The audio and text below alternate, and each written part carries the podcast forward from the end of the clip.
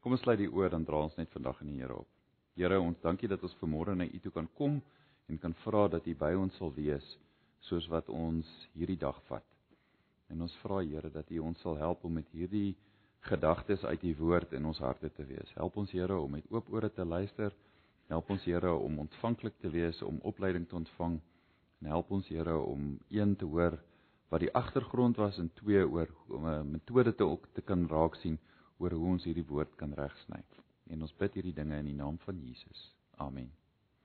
So baie baie welkom en uh, ons vertrou dit sal 'n uh, goeie oggend wees om net bietjie te dink oor uh, oor Lukas inleiding die agtergrond en dan bietjie besig te raak met met die teks self.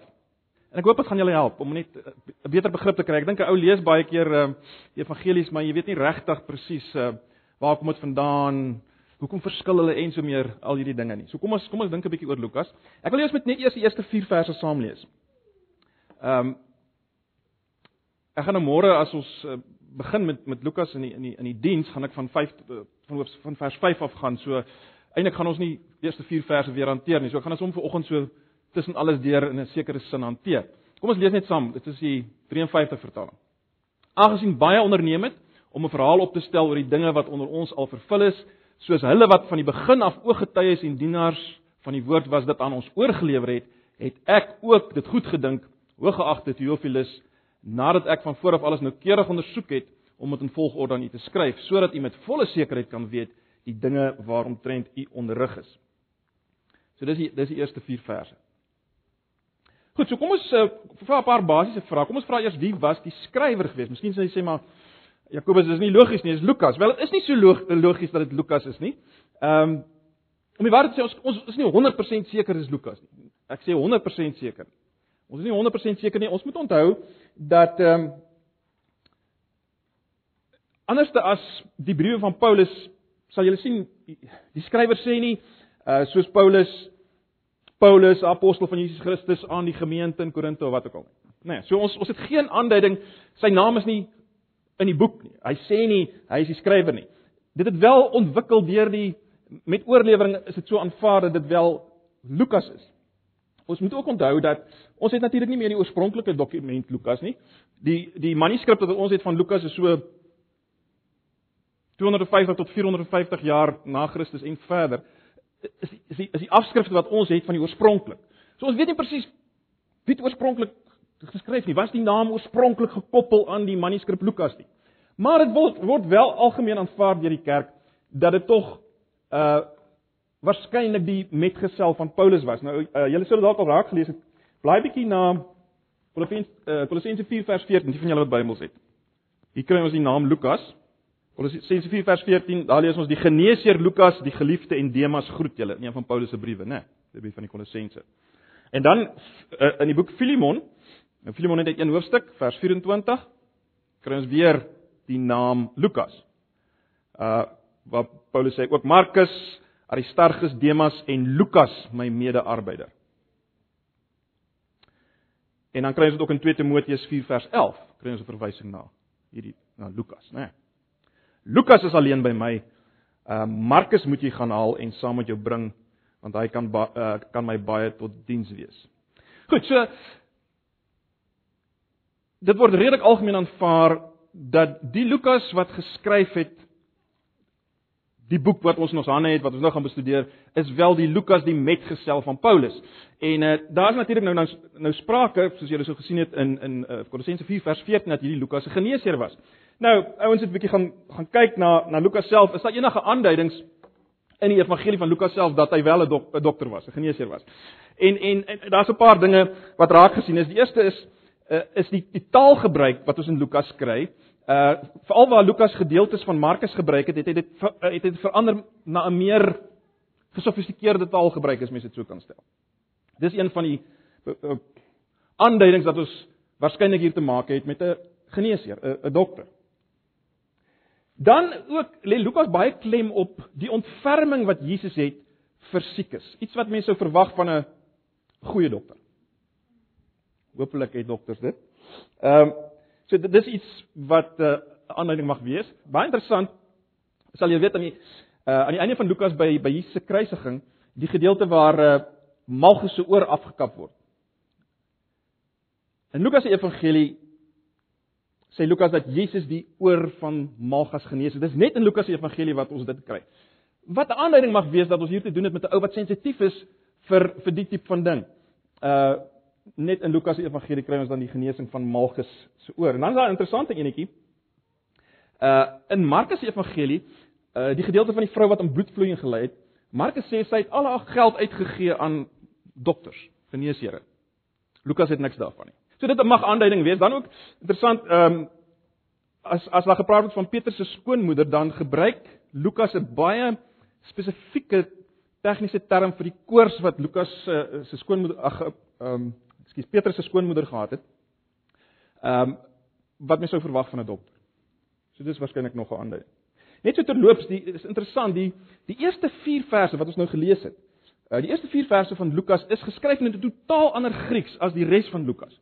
Uh en die Grieks wat gebruik word in die eerste 4 verse is is mens sou dit kon noem wetenskaplike Grieks. Met ander woorde Grieks wat mense so verwag by 'n meer uh geleerde tipe ou en is dis dis is 'n totaal ander formaat uh, wat ook 'n aanduiding mag wees dat uh dat Lukas wel uh 'n dokter was.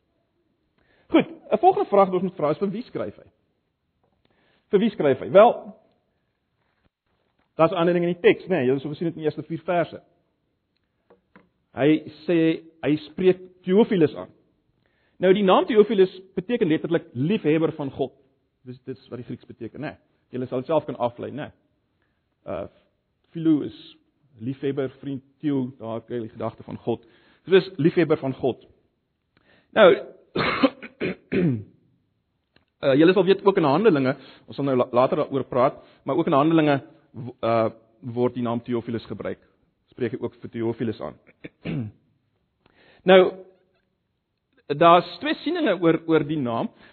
Daar's sommige wat meen dis dis 'n amper 'n literêre tegniek. Met ander woorde dis 'n dis 'n dis dis amper 'n 'n beeld wat hy gebruik of simbolies. Met ander woorde hy hy hy hy gebruik hierdie naam maar hy skryf eintlik vir alle liefhebbers van God. Dis vir alle gelowiges skryf hy. Ehm uh, maar die meer aanvaarde een wat deur meer algemeen aanvaar word is die feit dat uh Theophilus werklik 'n historiese persoon was en waarskynlik uh, soos ek daar aan 'n hoëgeplaaste in die Romeinse in die Romeinse ryk was. So, daar's die twee sieninge. Die mees algemene een, hy was wel hy skryf wel spesifiek vir hierdie hoëgeplaaste uh ou in die Romeinse ryk. Volgende vraag wat mense moet vra is natuurlik wanneer Ekskuus. Okay, wanneer skryf hy? Nou, uh weer eens hierdie hierdie goed is nie so maklik nie.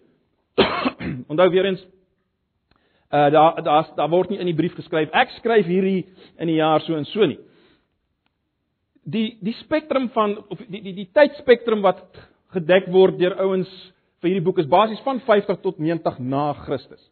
50 jaar tot 90 jaar na Christus is die hele tydperk. Die meer waarskynlikste wat wat die, kan ek sê deur die beter Nuwe Testamentiese of die meer gesiene Nuwe Testamentiese aangegee word as die mees waarskynlikste is so tussen 60 tot 70 na Christus. Dis wanneer hy skryf. Ek sal julle sien dis is redelik lank na Jesus ehm uh, na Jesus se se lewe op aarde, né? Nee. So so wat hy skryf, onmiddellik kan jy klaar aanvoel dit moes oorgelewer wees deur ouens wat wat daar was uh oor 'n lang tydperk. En natuurlik Lukas self was nie daar nie, né? Nee, ons sien dit in die eerste 4 verse. Hy sê sekere ouens het dit aan ons oorgelewer. Hy self was nie daar. Maar dis dis 'n redelik lang tydperk. maar is wel oorgelewer deur ouens wat Jesus gesien het, gehoor het en waarskynlik ook selfs aan hom gevat het. Maar goed, dis die datum. Dis die belangrik. 60 tot 70 na Christus. Waarom skryf hy? Uh dis 'n volgende belangrike vraag en ek dink we sien dit daar in in in vers in die eerste 4 verse en veral in vers 4. Ehm um, spesifiek wil hy onderrig gee aan uh Theophilus of of interessant eintlik hy sê Theophilus is klaar onderrig so dit lyk vir my het ouens gekry wat klaar onderrig is in die in in in die basiese waarhede en Theophilus was een van hulle ons weet nie wat wat hy deurgegaan het nie of hy sekere klasse deurgegaan het nie uh sekere onderrig deurgegaan het in in die evangelie nie en ehm uh, nou skryf Lukas om vir ouens soos hy en vir hom sekerheid te gee. Dis die woord wat hy gebruik in vers 4. Sekerheid te gee oor die goed waaroor hulle onderrig is. En interessant, hy sê ook hy gaan hy gaan in volgorde neerskryf dit waaroor hy onderrig is. So die volgorde waarvan Lukas praat is nie noodwendig dis presies die historiese volgorde wat alles gevolg het nie. Hy gee 'n volgorde aan die goed waar waaroor Theophilus onderrig is. So uh dis wat hy doen. Maar dit is baie belangrik of of uh, kom ek kom ek stel dit so die die, die waarskynlike rede hoekom Lukas dit nou doen uh moet ook gesoek word in in sekere historiese omstandighede. Hoekom is dit nou belangrik? Hoekom is dit nou belangrik om hierdie goed neer te skryf? Sodat daar sekerheid kan wees oor wat gebeur het. Wel, uh daar's twee dinge wat wat ek dink belangrik is. En die eerste is die uitbreiding van die sendingwerk deur Paulus, Petrus en ander.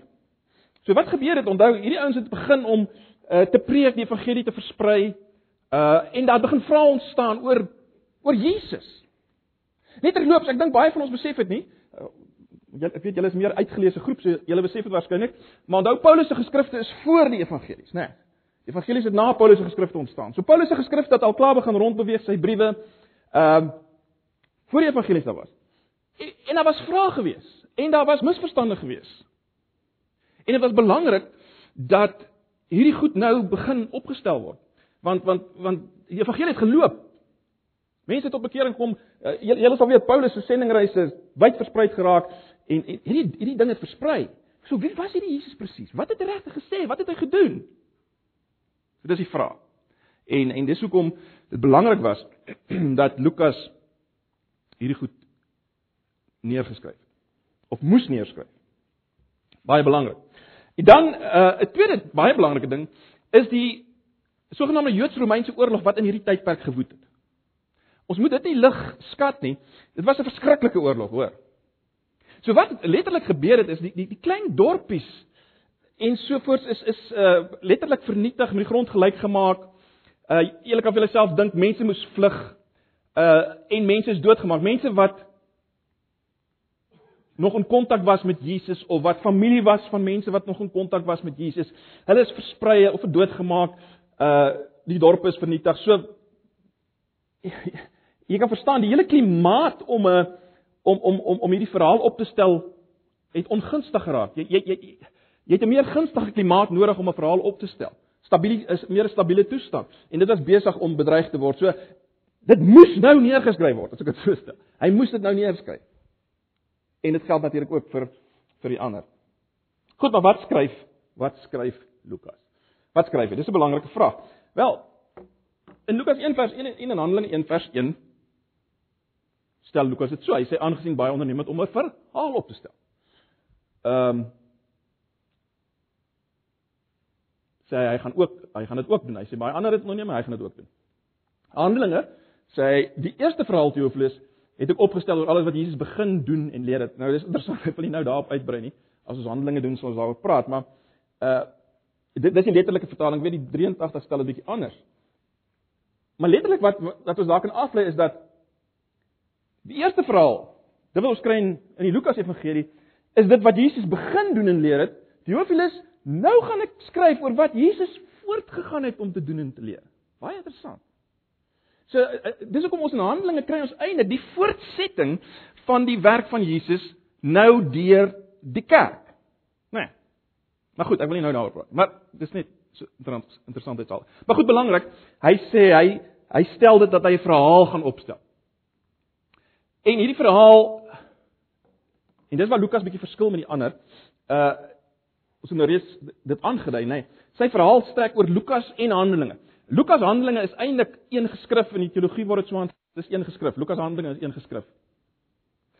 Maar na Lukas self word spesifiek verwys as 'n evangelie, dat Lukas 'n evangelie is, nê. Nee. Ons praat ook so, ons praat van die evangelie van Lukas.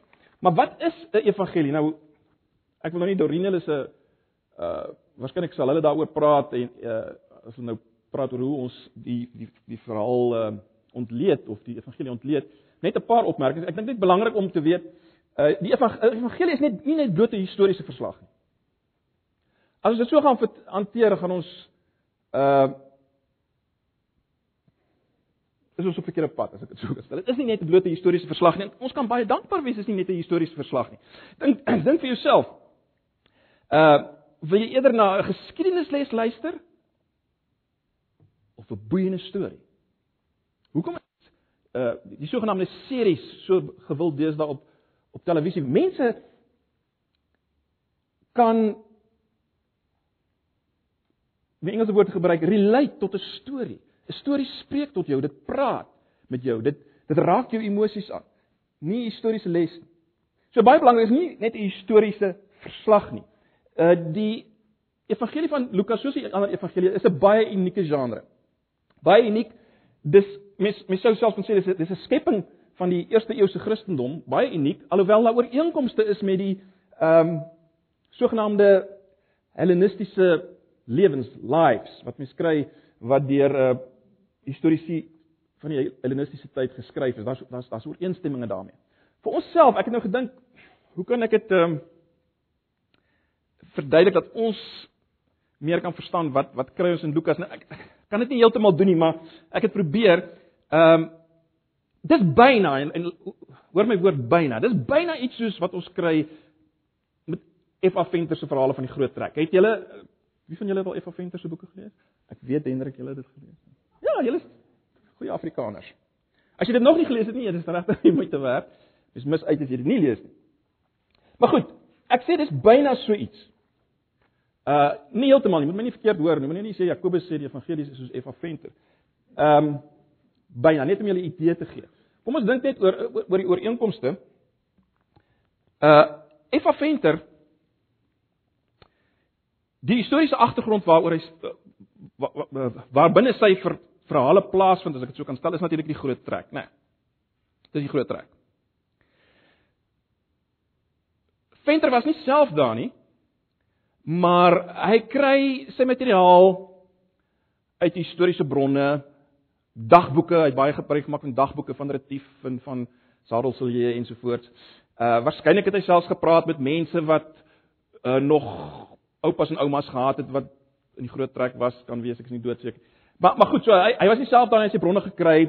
Die agt sy agtergrond is die historiese groot trek. Is interessant, hy rig ook sy hy rig sy boeke ook as as jy die eerste bladsy lees dan is daar gewoonlik 'n naam of ek dink in die in die bedoelde land dan sê hy hy skryf dit vir al die vir die nageslag van die wat die groot trek beleef. So hy rig dit ook aan iemand. Nou baie dieselfde kry jy uh, in Lukas, né? Nee. Lukas rig dit aan spesifiek aan iemand.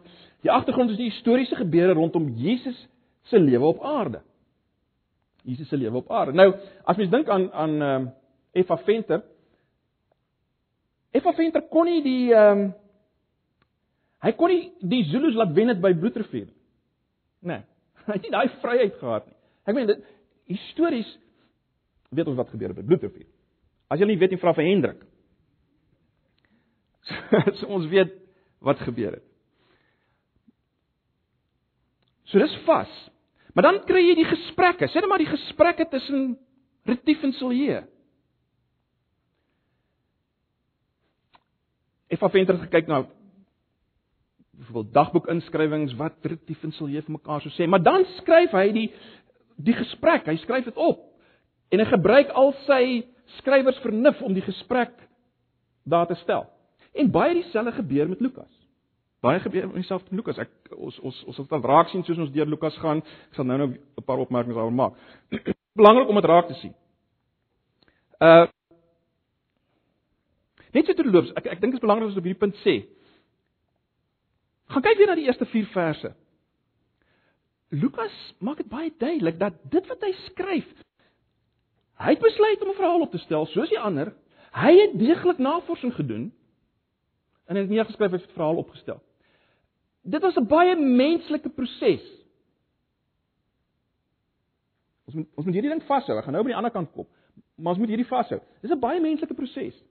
Lukas sê nêrens in die eerste 4 verse. Kyk, baie ander ouens het probeer om verhaal bestel, maar ek ek het ek het net gesit en dit het, het gekom na my. En die Gees het vir my gesê wat ek moet skryf. Hy sê dit nie. Hy sê ek het net soos die ander ouens navorsing gedoen. Ek het uh, ouens wat daar was het, vir ons vertel van Die ouens wat wat Jesus gesien het, my was, het dit oorgelewer aan ons. Ons het ek het dit gekry, ek het dit gerangskik, ek het dit neergeskryf. Dis wat hy gedoen het. Dit is 'n baie menslike proses. Moenie 'n fout maak. Baie menslike proses. So daar's ooreenkomste. Maar daar's natuurlik ook verskille. En ek dink dis belangrik.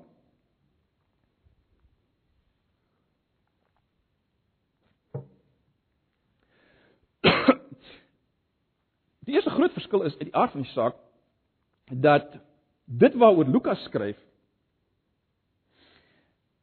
is die grootste gebeurtenis in die heelal. Mens geword het op aarde geloop het. So net die blote historiese gebeure waarbinne Lukas se verhaal plaasvind. Uh of waaroor hy skryf is totaal 'n ander klas as die van F.A. Venter. Uh hy het dit ook gekry by let wel by oog en oor getuies van van Jesus. En net net ek miskien moet ek net iets sê hiervan. Uh ons moet onthou in die antieke tye het ouens baie meer die vermoë gehad om verhale oor te vertel, hoor. Ons ons het dit nie meer nie. Ek ek ek, ek dink ons verloor dit heeltemal as gevolg van die tegnologie en die selfoon ensovoorts. Maar ouens in die in daai tyd kon werklik waar jy jy jy dit storievertellers gehad, ouens wat dit gedoen het. Uh en, en uh, hulle het net die vermoë gehad om 'n storie absoluut oor te vertel, soos wat hy gebeur het. Hulle hulle hulle hulle ingeoefen daarin. Dit was die ding wat hulle gedoen het. So as as ons hoor Lukas het gekry by uh oog en oor getuies, onthou dit maar net in jou agtergrond uh, of in jou agterkop. Ehm um, moenie dink aan ons situasie en Jesus, ons kan nie eintlik meer onthou wat 60, 70 jaar gelede gebeur het. Wel hulle kom. Hulle was in daai kultuur. Maar goed, so daar daar's 'n verskil rondom dit waaroor Lukas skryf. Uh dan natuurlik die die styl self en Dorien hulle sal meer daaroor praat. Ehm um, Lukas maak gebruik van 'n verteller, as jy dit so kan stel. 'n Verteller wat hy as te ware skep, verteller wat as te ware in die verhaal is. Dit word so aangebied deur deur middel van 'n verteller. Dis nie so seer die uh waar jy in Venter se verhale was is meer die karakters wat mekaar self praat. Hier is dit amper 'n verteller wat dit vertel. Maar let wel, onthou Lukas was nie daar nie. Hy kry dit by ouens en hy skep as te ware hierdie verteller en die verteller vertel hierdie verhaal. So dis nog 'n verskil. Maar dan die groot verskil en die belangrikste verskil is natuurlik dit. Lukas Evangelie is aanvaar as deel van die kanon. Die kanon, die woord kanon beteken ehm uh, riglyn, maatstaf. Die kanon verwys na die boeke wat uiteindelik ingesluit is en wat die kerk gesê het dis gesaghebend. Dis God se woord aan ons. Dis God se woord aan ons. So 397 na Christus by die by die uh konsilie van Kartago, dis maar soos 'n sinode, uh is die Nuwe Testamentiese boeke afgesluit en Lukas is ook in daai tyd 397 met ander woorde so 4 eeue na Christus is daar besluit Lukas gaan deel vorm van hierdie kanon. Beteken nie Lukas is toe vir die eerste keer raak gesien nie. Onthou, uh, sekere geskrifte, as jy daai prentjie kan kry, dit is nogal belangrik. Sekere geskrifte, Paulus se briewe, die evangelies soos ons hulle ken, is gebruik in die vroeë kerk. Onthou net, mense in die vroeë kerk het nie die Bybel gehad nie. Soos ons nie. Onthou die kerk, gewone gelowiges, het eers 'n Bybel gehad soos ons na die reformatie. Besef ons dit? Die kerk het nie Bybel gehad nie. Maar 'n Bybel soos ons het in, in een boek, Ou en Nuwe Testament mooi gebind, lekker. Hulle het nie gehad nie. Maar wat wel gebeur het is dat die briewe van Paulus en hierdie evangelies is gelees en natuurlik geskryf en oorgeskryf en oorgeskryf en oorgeskryf. Dis uh, dis hoekom daar's der duisende kopieë van hierdie goed. Baie meer as van enige antieke geskrif en dis hoekom ons kan uh, ons kan met redelike sekerheid weet dit wat ons het ons het dit wat oorspronklik geskryf het. Al het ons nie meer die oorspronklike kopie nie, daar's soveel der duisende afskrifte dat ons meer as meer seker kan weet as van enige ander historiese geskrif dat dit wel is wat geskryf is. Maar goed, die belangrike ding is die kerk en onthou ons moet dit nie ligtelik opvat nie. Die Gees is vir die kerk gegee. Jesus het gesê die poorte van die doodryk en die dood sal nie sy kerk oorweldig nie. En hierdie kerk het Lukas ingesluit as deel van die gesagvolle boeke en Lukas is nou deel van die Bybel soos ons dit ken, God se woord aan ons. Wat Lukas geskryf het, is God se woord aan ons. Dit is baie belangrik. jy sien die vraag is nie so seer uh, okay, wat Lukas geskryf het, is dit presies die woorde het Jesus die is gebruik wat Lukas die is gebruik en die die waar hy dit gebruik. Want net dan is dit gesagvol. Nee, die geskrif van Lukas is gesagvol want die lewende opgestane Jesus deur sy gees praat deur die boek Lukas. Dis baie belangrik. Lukas is God se woord nou aan ons. Lukas deur Lukas praat Jesus deur sy gees met ons. Dis die woord wat hy wil hê ons moet hoor. Baie belangrik. Baie baie belangrik om dit te verstaan. Goed, terwyl ons hiervan praat, kom ons dink net vinnig oor Lukas en die ander evangelies. Nou, ons weet daar's vier evangelies. Matteus, Markus, Lukas en Johannes. Johannes onmiddellik almal van ons voel aan is bietjie van 'n ander aard, né? Nee. Daar's baie goed in Johannes wat glad nie in die ander is. Ons dink byvoorbeeld aan die die eerste wonderwerk in die Lukas, ag in, in in Johannes, die die water en wyn kom nie by een van die ander evangelies voor nie. Ehm um, iets soos die hoofpriesterlike gebed kry ons nie by die ander evangelies nie. Ons kry nie die bo bo vertrek beloftes, die hele gesprek daarvan af Johannes 13 en verder. Ons kry nie dit in die ander evangelies nie. Baie baie verskille.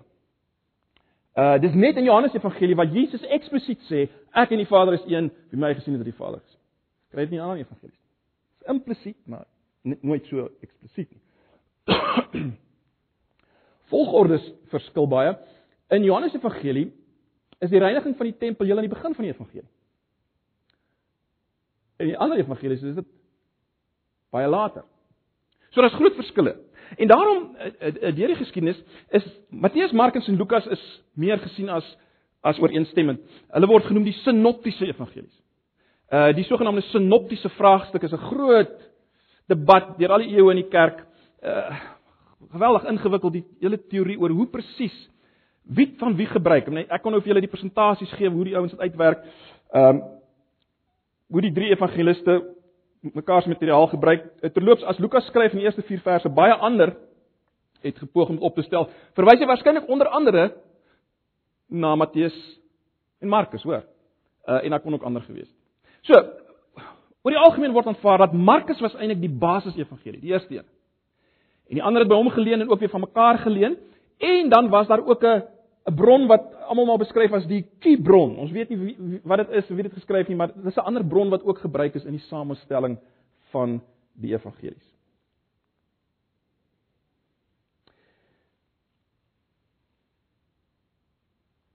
So, jy kry die sinoptiese evangelies. Nou die sinoptiese evangelies uit die aard van die saak, omdat hulle vir mekaar gebruik het, is daar groter ooreenstemminge, maar daar's ook groot verskille. Ehm um, doen jouself 'n bietjie guns en lees 'n slag evangelies horisontaal. Ons lees dit altyd vertikaal as ek dit so kan stel, né? Nee. Lees Matteus deur en dan lees ons Lukas.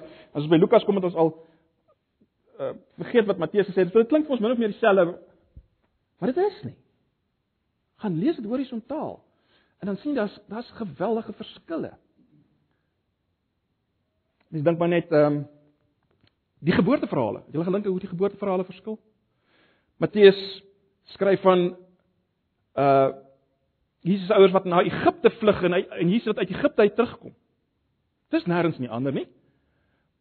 Maar as 'n rede hoekom Matteus skryf, want hy wil wys dat Jesus is die laaste Moses. Dis hoekom Jesus ook dan deur die water gaan en dan net op die berg klim en die bergrede afkondig. Jesus is die laaste Moses. Hy vervul die rol van Israel en van Moses. Die ander het dit nie.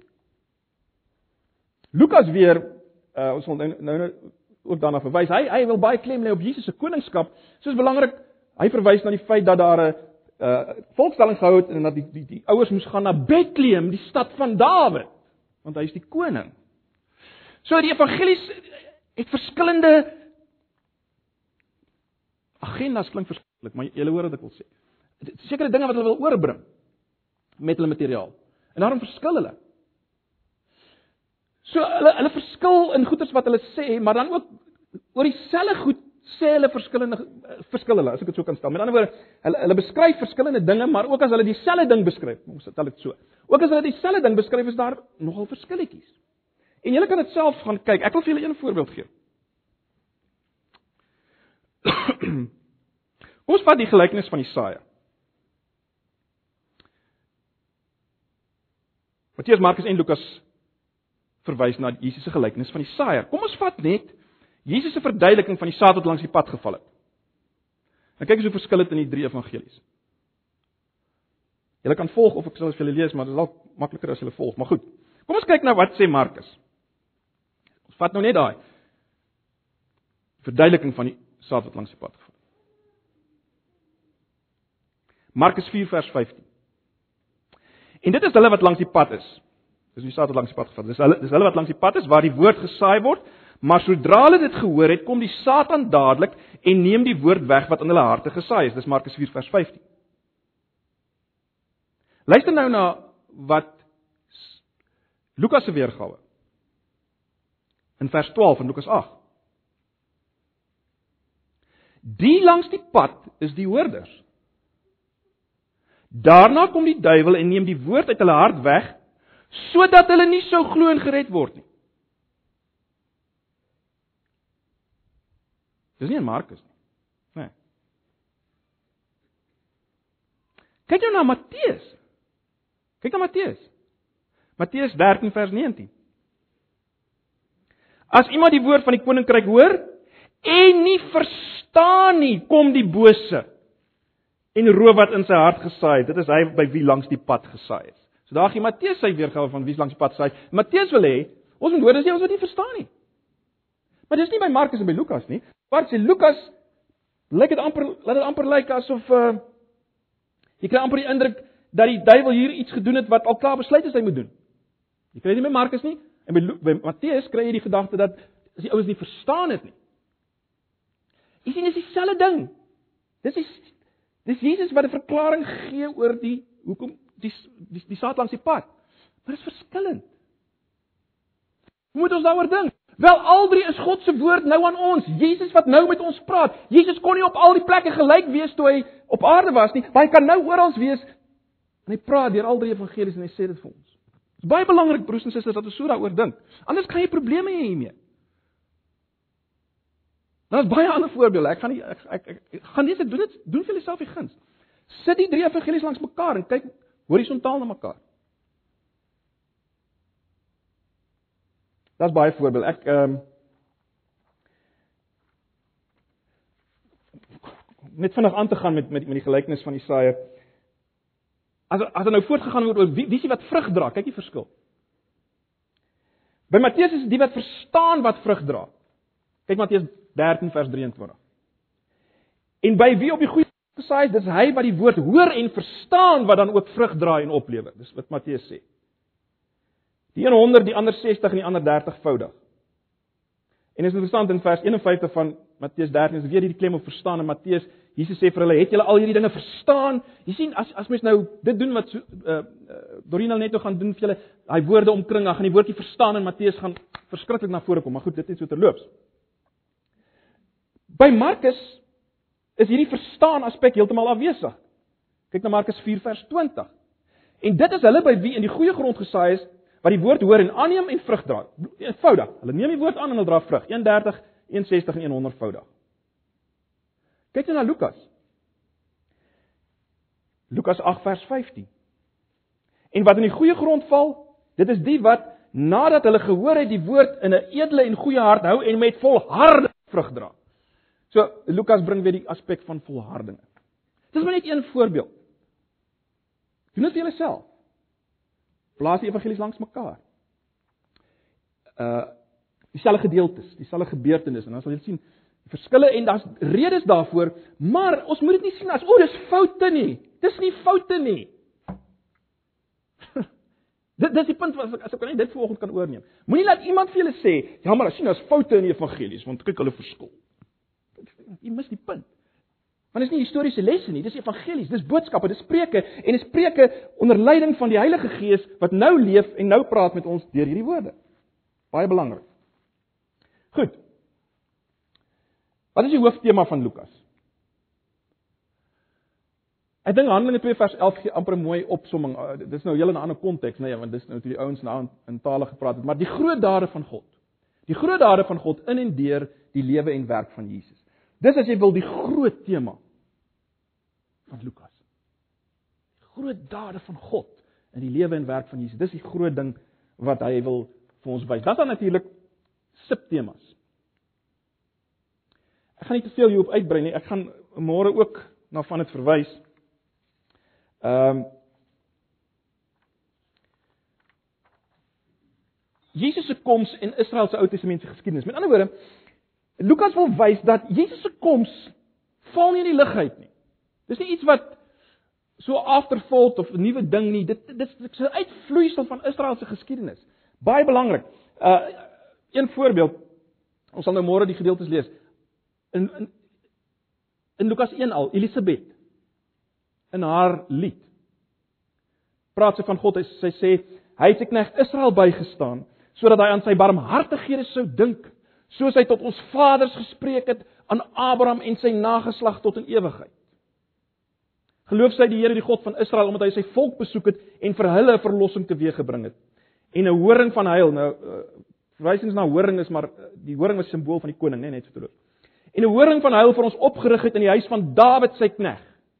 Soos hy gespreek het deur die mond van sy heilige profete van ouds. Dis vers 70. En dan gaan hy so aan. Uh gaan sy so aan. In vers 73 weer eens hy het gedink aan aan die eed wat hy gesweer het vir Abraham ons vader om aan ons te gee Lukas 1 vers 73. So en dan baie ander voorbeelde in die evangelie van Lukas, ek gaan nie nou op uitbrei nie, maar Jesus se koms word gesien as die die die eindpunt van Israel se geskiedenis. Baie baie belangrik. Ek sal môre weer iets daarvan sê. Dan ehm um, Jesus as seun van Dawid. Of as jy wil, Jesus as koning, seun van Dawid, seun van God. Waar kom dit vandaan? Dawid, dink maar net aan 2 Samuel 7, nê, is gesien as God se seun. Jesus is nou die seun van Dawid.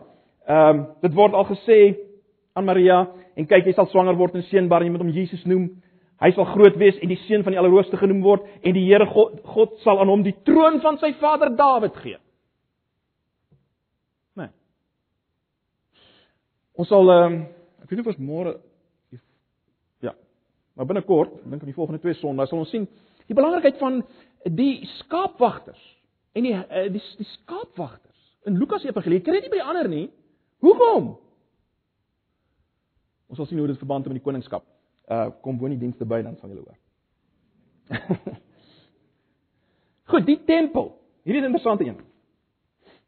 Die tempel is 'n groot motief in in in in in Lukas. Lukas begin in die tempel. Sagarias in die tempel. Die plek waar God sy volk ontmoet het. Deur al die eeue. Net so eentjie aan dan raak Jesus weg vir 3 dae en waar kry hulle hom? In die tempel. Hoe eindig Lukas Evangelie? Kyk na die heel vers, laaste vers van Lukas Evangelie. En hulle was voortdurend in die tempel. Jy kry nie by die ander evangelies nie. Hulle moes Jesus op die berg kry bla bla bla. Hulle is in die tempel in Lukas Evangelie. En is daar in die tempel waar hulle wag en uiteindelik wat kry hulle in Handelinge? Wat gebeur in Handelinge aan die begin? Die Heilige Gees word uitgestort daar in die tempel. Baie belangrik, ons moet hierdie goed raak sien. So die tempel. En natuurlik nou ek ek ek het nou net gekyk basies na die begin en die einde. Tussenin is daar natuurlik die reiniging van die tempel wat by Lukas dan uh, belangrik is. Nog 'n interessante een. Om uh, ons het gepraat net nou van die van die uh die, die verskille tussen die evangelies. Versoeking van Jesus. In Lukas en Matteus. In Lukas in die versoeking van Jesus word die versoeking van die duiwel waar hy sê dat spring van die dak van die tempel af word heel dis die heel laaste versoeking van die duiwel uh, aan Jesus. Hoekom? Hoekom sit hoekom is die tempel, die versoeking van die tempel heel laaste? Look, dit is nie in die ander so nie. In die ander is die versoeking is, is die, die ja, die die die berggedeelte is laas. As hier op die berg vat en sê, kyk al die koninkryke, is alles joune as jy my aanbid. Dis laaste in die ander. So wat is die wat is die historiese volgorde? Wat is die presiese historiese volgorde? Ons weet nie. Maar dit is belangrik nie. Dit punt belangrik is Jesus het dit gesê en Lukas sê Lukas stel dit in sy weergawe laaste, want hy wil die klem laat op die tempel. Want dis 'n tema in sy boek. Dis hoekom die laaste versoeking was die afspring van die tempel se dak. Dit net so interessant. Dan 'n baie belangrike tema, die Heilige Gees. Julle sou dit al opgetel het. Meer as enige een van die ander kry mens die Heilige Gees in Lukas. Dis oral. Ons sal môreoggend al sien in die eerste ehm um, 80 verse. Is dit oral. Heilige Gees, vervulling met die Gees en dit gaan aan. Stop nie in die evangelie van Lukas, dit gaan dwars deur na Handelinge toe. Oral is dit daar. Meer as is enige een. Kom ek gee julle nog 'n interessante voorbeeld net om te wys hoe Lukas hoe hoe hoe kom ek hoe kom ek sê dit dis 'n klem by Lukas behalwe dat dit baie keer voorkom. Kyk weer eens die verskil tussen twee van dieselfde weergawe. Kyk gou na Lukas 11. Dan miskien moet julle dit self sien. Lukas 11. Kom ons lees vanaf vers 11. Lukas 11 vanaf vers 11. En vir watter vader onder julle sal sy seun brood vra en hy sal hom 'n klip gee of ook 'n vis en hy sal hom in plaas van 'n vis 'n slang gee of ook as hy 'n eier vra om 'n skorpioen gee. Vers 13. As julle dan wat sleg is weet om goeie gawes aan julle kinders te gee, hoeveel te meer sal die hemelse Vader die Heilige Gees gee vir die wat hom bid? Kyk nou na dieselfde gedeelte Matteus. Matteus 7 vanaf vers 9. Of watter mense is daar onder julle wat as sy seun om 'n brood vra aan hom 'n klip sal gee en as hy vis vra aan hom 'n slang sal gee? Dieselfde as in Lukas. As julle wat sleg is dan weet om goeie gawes aan julle kinders te gee, hoeveel te meer sal julle Vader wat in die hemel is goeie dinge gee aan die wat hom bid? sien julle die verskil? Lukas sê, hoeveel te meer sal die hemelse Vader die Heilige Gees gee aan die wat hom bid? Jy sien, die Heilige Gees is geweldig belangrik vir hom. So ons sien dit hier. Uh ons gaan baie daaroor praat, ek gaan nie veel meer sê nie. 'n Volgende tema is natuurlik gebed. Meer as enige ander een wat Lukas oor gebed en wat natuurlik ook hand aan hand gaan met die Gees wat ons nou net gesien het. Kom ons kyk uh, weer 'n voorbeeld van van twee van dieselfde gebeurtenisse. Kyk bietjie na die doop van Jesus. Baie interessant. Kom ons lees eers Matteus 3 vers 16. Die gedeelte van Jesus se doop. In Matteus se weergawe, Matteus 3 vers 16 lees ons: En nadat Jesus gedoop was, het hy dadelik uit die water opgekom en met eens gaan die hemele vir hom oop en hy sien die gees van God soos 'n duif neerdal op hom. Kyk nou na Lukas se weergawe, Lukas 3 vers 21. Lukas 3 vers 21, ek lees maar net die eerste deel van die vers. En toe die hele volk gedoop en Jesus ook gedoop is en hy besig was om te bid, het die hemel oopgegaan en die gees het soos 'n duif neergedaal en 'n stem hom. Besig was om te bid. So gebed is 'n geweldige belangrike ding by Lukas. 'n Subtema by Lukas wat ontsettend ontsettend belangrik is vir hom. En weer eens dit gaan deur tot in Handelinge. En dan ek het nou eintlik dit verander na rykdom en armoede. Ek weet nie hoekom hierdie weergawe van nog geld het, maar goed. Geld of rykdom en armoede. So jy kan dit nie mis in Lukas nie. Dis oral. Dis oral. Baie meer as in die ander. En weer eens een voorbeeld waar ons twee kan vergelyk waar die verskil opvallend is, is in die sogenaamde bergrede of vlakterede afhangende van watter evangelie jy gebruik. Kyk na Lukas, Lukas 6 vers 20. Toe slaan hy sy oë op oor sy disippels en sê: "Salig is julle armes, want aan julle behoort die koninkryk van God." En vers 21: "Salig is julle wat nou honger het, want julle sal versadig word." Kyk maar Matteus 5 vers 3. "Salig is die wat arm van gees is, want aan hulle behoort die koninkryk van God." En in vers 6: "Salig is die wat honger en dors na geregtigheid." Nou net so te loop, geregtigheid is byvoorbeeld 'n term wat weer net in Matteus hanteer daai term geregtigheid wat by Matteus anders is as die geregtigheid by Paulus, dis 'n praktiese geregtigheid en ensovoorts. Uh, moet nou daarop uitbrei nie.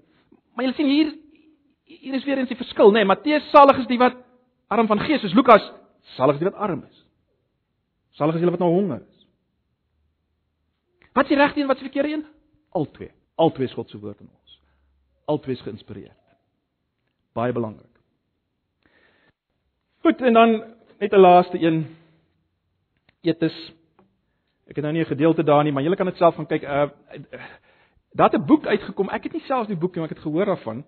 Ehm, um, dalk weet jy daarvan hoe in Eating Your Way Through Luke's Gospel, jy het dit gesien. Ek dink ligpunt gebruik.